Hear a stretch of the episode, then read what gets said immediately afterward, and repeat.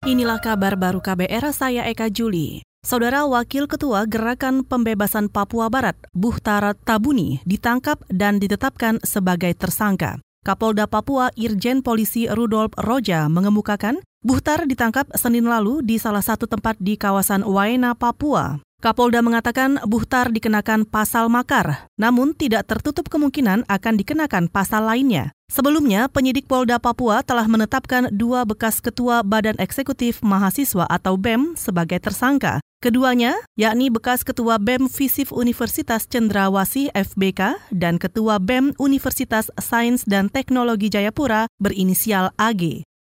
Kita ke informasi Capim KPK. Salah satu calon pemimpin KPK Nawawi Pomolango mengatakan menyetujui adanya revisi undang-undang tentang Komisi Pemberantasan Korupsi atau KPK. Hal ini dikatakan Nawawi ketika mengikuti uji kepatutan dan kelayakan Capim KPK di DPR. Nawawi menyebut poin yang ia setujui berkaitan dengan kewenangan KPK dalam menerbitkan surat perintah penghentian penyidikan atau SP3. Soal revisi Undang-Undang 30 2002 saya punya posisi begini. Ada yang saya sudah oke, okay, saya setuju. Saya jawab dulu yang saya setuju. Saya yang saya setuju itu misalnya soal SP3. Salah satu calon pemimpin KPK Nawawi Pomolango juga menambahkan, ia menilai pasal ini sangat merugikan para tersangka yang kasusnya banyak jalan di tempat. Nawawi juga mengaku pernah bertemu dengan tersangka yang kasusnya tak kunjung selesai. Rabu ini, Komisi Bidang Hukum DPR menggelar uji kepatutan dan kelayakan calon pimpinan KPK. Adapun Capim yang menjalani uji kelayakan dan kepatutan adalah Nawawi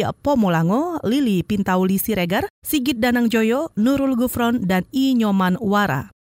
Saudara bekas Ketua Umum Partai Persatuan Pembangunan atau P3, Roma Hurmuzi, didakwa menerima suap 325 juta rupiah. Jaksa Penuntut Umum KPK Wawan Yunarwanto mengatakan, Romi didakwa menerima suap dari Kepala Kanwil Kementerian Agama Jawa Timur Haris Hasanuddin dalam kasus jual beli jabatan. Padahal diketahui atau patut diduga bahwa hadiah atau janji tersebut diberikan karena kekuasaan atau kewenangan yang berhubungan dengan jabatannya. Dalam dakwaannya, JPU KPK Wawan Yunarwanto menyebut Romi diduga melakukan intervensi bersama Menteri Agama Lukman Hakim Saifuddin untuk mengangkat Haris sebagai Kakanwil. Sebelumnya, Romi juga diduga melakukan hal serupa dalam proses pengangkatan bekas Kakanwil Kementerian Agama Gresik Muhammad Muafak.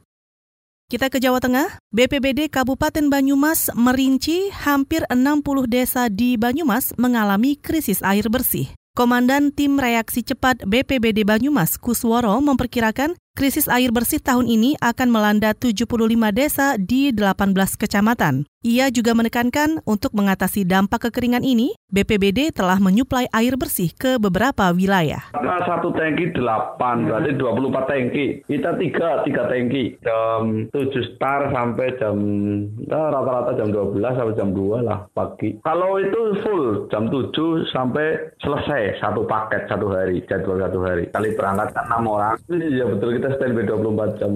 Itu tadi tim Komandan Reaksi Cepat BPBD Banyumas Kusworo. Sebelumnya, Badan Meteorologi, Klimatologi, dan Geofisika atau BMKG mencatat sejumlah provinsi memiliki potensi kekeringan dengan kategori berat, di antaranya Jawa Tengah, Jawa Barat, sebagian besar Jawa Timur, Yogyakarta, Bali, Nusa Tenggara Timur, dan Nusa Tenggara Barat.